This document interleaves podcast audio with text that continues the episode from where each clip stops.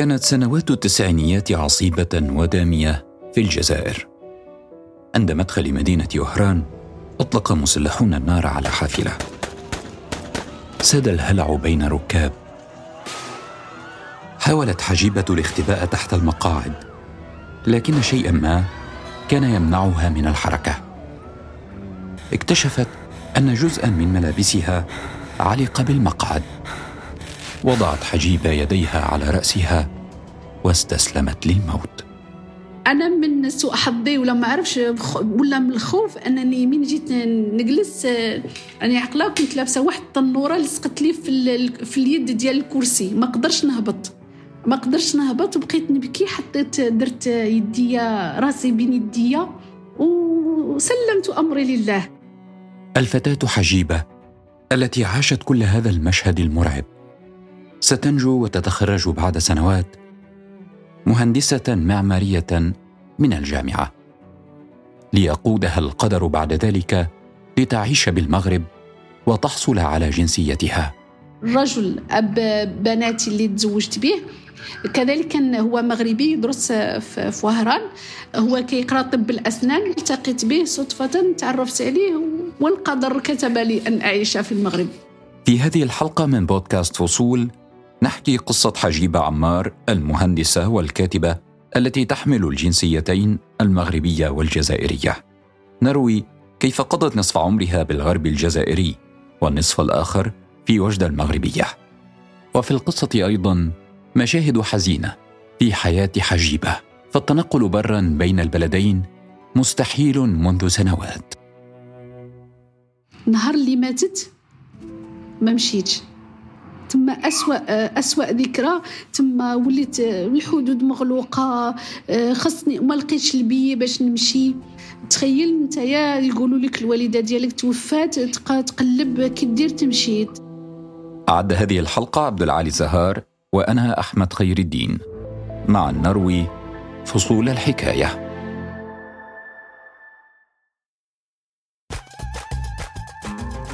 داخل البيت الأثاث والغرف مشيدة على طريقة الغرب الجزائري. في المطبخ تنهمك الأم في إحضار آخر طبق إلى المائدة. تنادي ابنتها بصوت خافت. تطلب مساعدتها. حجيبة حجيبة حجيبة هي صغيرة أخواتها مدللة البيت أنا كنت أصغر أخواتي وإخواتي الصراحة أنا كنت أصغر أخواتي البنات. كان عندي أخي الصغير ولكن كنت أعامل كأنني أنا الصغيرة. في انتظار قدوم الأب يأخذ الإخوة مكانهم حول المائدة. موعد الأكل مقدس. يبدأ الوالد بالأكل أولا ثم يتبعه الجميع. كان الوالد ديالي الله يرحمه بويا الله يرحمه كان عندنا الغداء والعشاء آه، عنده بحال لي ساعات مقدسة. مثلا كنا نعقل كنت واخا كنت صغيرة نعقل باللي مين كانت تجي الوحدة ديال النهار منتصف النهار. آه، الغداء يكون محطوط في الطاولة ونتفرجوا الأخبار وما كانش اللي كيهضر ولا خصنا نسمعوا الأخبار. نحن الآن في بداية الثمانينيات. حجيبة في عمر السابعة. كان الوالد حريصا جدا على تعليم أبنائه. في بلدة فرناك الصغيرة لا تحظى كل البنات بالتعليم. المحظوظون من الأطفال ينتقلون إلى مدينة مستغانم القريبة. كانت عندي واحدة بنت عمي آه، مضات على ورق الورق وهي ما عرفاش شنو هو. الورق صدق أنه هو الطلاق ديالها والتنازل عن حقوقها. من ثم من هذاك الوقت الأب ديالي أقسم أنه يقرينا باش يقولنا القراية تحميكم من غدر الزمان. خلال الدراسة الثانوية كان والد حجيبة يوصل ابنته كل يوم بينما كانت هي تساعده في أعمال التجارة. بعد نيلها شهاده البكالوريا اختارت حجيبة مدينة وهران لإتمام دراستها الجامعية. الأب ديالي واخا كنا نسكن في مدينة ونقرأ في مدينة ما كانش يتعب كان يوميا كيوصلني نقرأ ويجيبني. وهران كانت مدينة مناسبة لحجيبة لمتابعة دراسة الهندسة. وهران قريبة والناس فيها يشعرون بالأمان من أذى الجماعات المسلحة. على الأقل ليس كحال العاصمة والمناطق المجاورة. سنوات التسعينيات كانت عصيبة ودامية في الجزائر. درست في جامعة آه، وهران آه، كنت ندرس في مرحلة العشرية, العشرية السوداء. استيقظت حجيبة ولهفتها متقدة لحضور أول درس في الجامعة. جمعت أغراضها وودعت والديها ثم ركبت الحافلة الذاهبة إلى وهران. صار بإمكان حجيبة الآن الاعتماد على نفسها. نط الصباح جمعت أدواتي أغراضي ركبت في الحافلة ماشية في الطريق. عند مدخل مدينة وهران اقتربت الحافلة من سد أمني. من بعيد تبدو وجوههم عابسة. الشر واضح في نظراتهم. فطن السائق سريعا إلى أن السد مزيف. لكن الجماعة المسلحة بدأت إطلاق النار. وسمعنا الرصاص الرصاص يضرب في الكار في, في الحافلة اللي كنت فيها. تذكرت آه، أخي آه، كان يقولنا مين كتسمعوا الرصاص ولا شي حاجة درقوا تحت تحت الكرسي فين تكون جالس. اخترقت أولى الرصاصات الحافلة. ساد الهلع بين الركاب حاولت حجيبة الاختباء تحت المقاعد لكن شيئا ما كان يمنعها من الحركة. اكتشفت أن جزءا من ملابسها علق بالمقعد.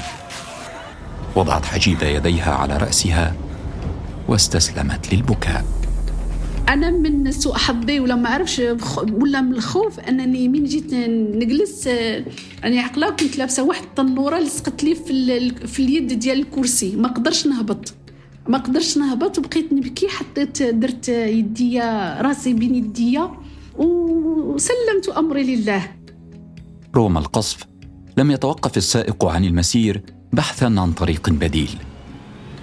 كانت الحافلة في هذا الوقت غارقة في الفوضى في الصدمات والصراخ. صراخ صراخ امرأة رهيب رهيب. هو اللي يمكن هو اللي زاد قلقني ويمكن هو اللي وتصرخ تصرخ يعني تصرخ بأعلى صوت. خفت لواحد الدرجة أنني قلت صافي غادي نموت. بعد عدة محاولات نجح السائق في الإفلات من المسلحين ثم دخل إلى وهران. وجميع الركاب سالمين. في الحي الجامعي صار لحجيبه صديقات جدد ولأن العنف والموت كانا بكل مكان في ذلك الوقت. فقدت حجيبة إحداهن. صديقتها المقربة ماتت في اعتداء مسلح غير بعيد عن الجامعة. أن كانت معنا. واحدة الصديقة كانت تجي هي في الطاكسي آه، في الطريق شدوهم شدوهم في براج مسكينة قتلوها. الله يرحمها نعقل سميتها كان سميتها رشيدة. كانت تقرا هي في كانت تقرأ معنا في ليستو تسكن في الحي الجامعي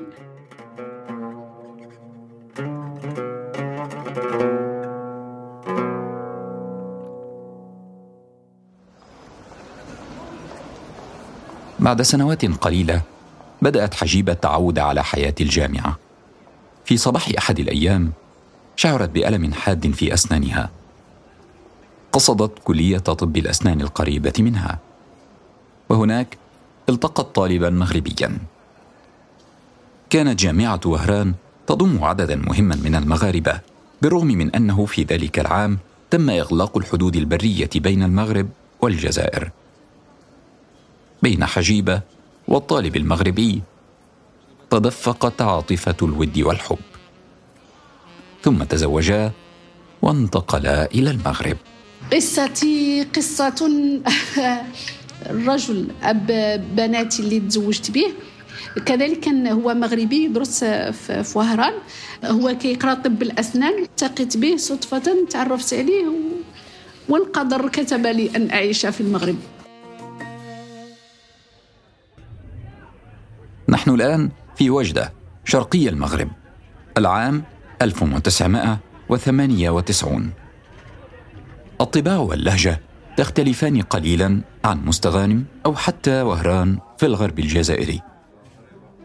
لكن الشهور الأولى لحجيبة في وجدة جعلتها تعتاد بعض الشيء. الطباع والتقاليد كيشبهوا بزاف وحتى اللهجة المغنية أنا نذكر واحد العائلة كانوا يبغوني بزاف كانوا يعيطوا لي كان مثلا من الجمعة للجمعة كيعرضوا عليا نمشي ناكل الكسكس عندهم في الدار. آه، يتعاملوا معايا مزيان. آه، آه، شحال من واحد كنمشي عنده كيشوفني كنهضر يقول لي أنت جزائرية؟ نقول آه يقول لي واه جزائريين راكي مرحبا بك راكي في بلادك احتاجيتي أي حاجة؟ مرحبا نوريوك بغيتي أي حاجة؟ بعد سبع سنوات من الإقامة داخل المغرب حصلت حجيبة على الجنسية المغربية. حلمها بالعمل في الهندسة المعمارية صار الآن ممكنا. حتى حاجة ما وقفتني بالعكس أنا يا نهار اللي بديت كنت من بين الناس يمكن أنا كنت ثاني امرأة ولا ثالث امرأة في القطاع الخاص كمهندسة معمارية في المنطقة الشرقية كلها في المغرب. كانوا عندنا مهندسات معماريات يشتغلوا في القطاع العام ولكن في القطاع الخاص كان حكر على الرجال. لم تكن حجيبة تفوت أي عطلة دون زيارة والدتها وإخوتها في الجزائر. لكن منذ عام 2014 صارت حجيبة تتردد على الجزائر كل ثلاثة أشهر بسبب مرض والدتها. كنت نمشي نشوفها في الطائرة نمشي من وجدة لكازا كازا وهران نمشي نجلس آه، عشر أيام خمسة يوم ونرجع. ماتت والدة حجيبة. وفي قلبها الآن حزن عظيم ورغبة جامحة في الإسراع بالسفر إلى الجزائر لرؤية وجه والدتها للمرة الأخيرة. تخيل آه، لمدة ثلاث سنوات وأنا نمشي. نهار اللي ماتت ما مشيتش. تما أسوأ أسوأ ذكرى. تما وليت الحدود مغلوقة.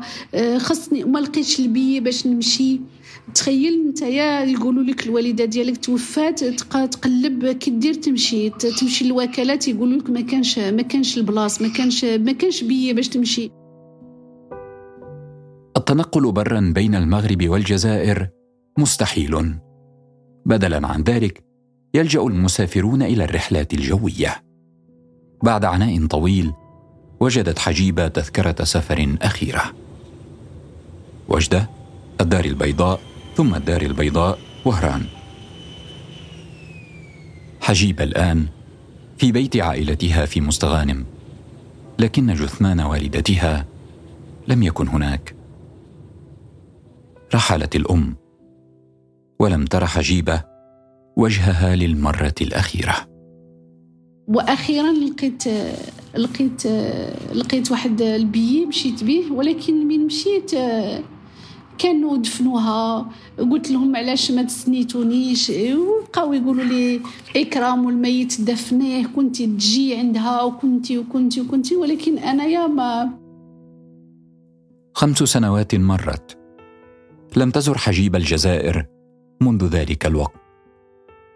للأماكن هناك ذكرى حزينة برحيل والدتها.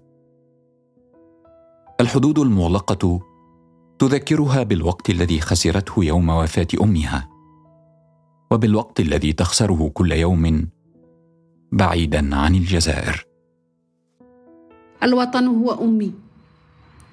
بعد ما ماتت أمي لم تعد تهمني أي ما تهمني حتى شي حاجة. ربما انانيه مني ربما أنني نفك ما فكرش في الآخرين.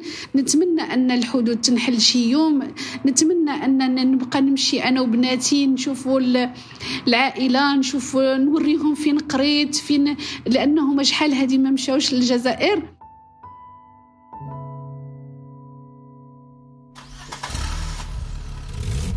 يشد الحنين حجيبة إلى الجزائر.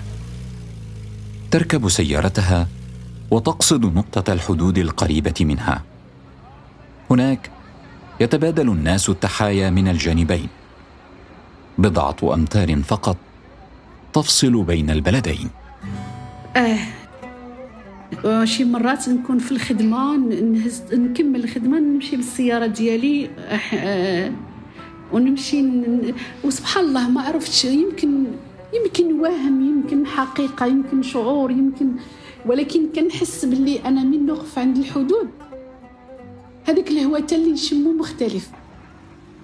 surtout من كنكون قريبة مثلا بالحدود بين الجزائر بين بورساي الجزائر والسعيديه كنوقف على ديك الحافة كنشوف العلام تاع الجزائر يرفرف ولا كنمشي للحدود من زوج بغال ولا ما عرفتش واش هذا اعتقاد. ما عرفتش كنحس بلي حتى الهواء مختلف.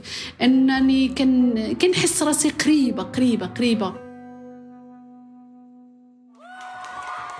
في البيت تتابع العائلة مباريات المنتخب المغربي في كأس العالم. بعد كل انتصار تستقبل حجيب التهاني والتبريكات من أقاربها في الجزائر. آه أنا قلت لك آه، كانوا يشجعوا المغرب أولا لأن لأن بلد عربي وجار. وعاود ثاني لأنني أنا ساكنة فيه قلت لك كانوا يصيفطوا لي. يبعثوا لي التبريكات. وأنا الصراحة فرحتي من فرحة بناتي. كانت حجيبة مشدودة لمشاهد العناق بين اللاعبين وأمهاتهم. تنظر إلى سحر هذا البر تتذكر والدتها ودعواتها. أنا فرحت اللاعبين من نشوفهم يعنقوا مواتهم البارح بناتي بقاو يقولوا ياك ماما ياك ماما دعي معنا دعي معنا دعي معنا دعي معنا. لأن عندهم الاعتقاد الإيمان أن دعوات الأمهات عندها أثر كبير في حياة الإنسان. وفي تغيير ربما القدر. أنا مؤمنة جدا بدعوات الأمهات وابتسامات الغرباء. وتحايا البنات. في منزلها بوجدة ما تزال حجيبة. تذكر ابنتيها أنهما ابنتا المغرب والجزائر. وأن الحدود ستفتح يوما ما. وأن الحب والعائلة يهزمان الخلافات السياسية.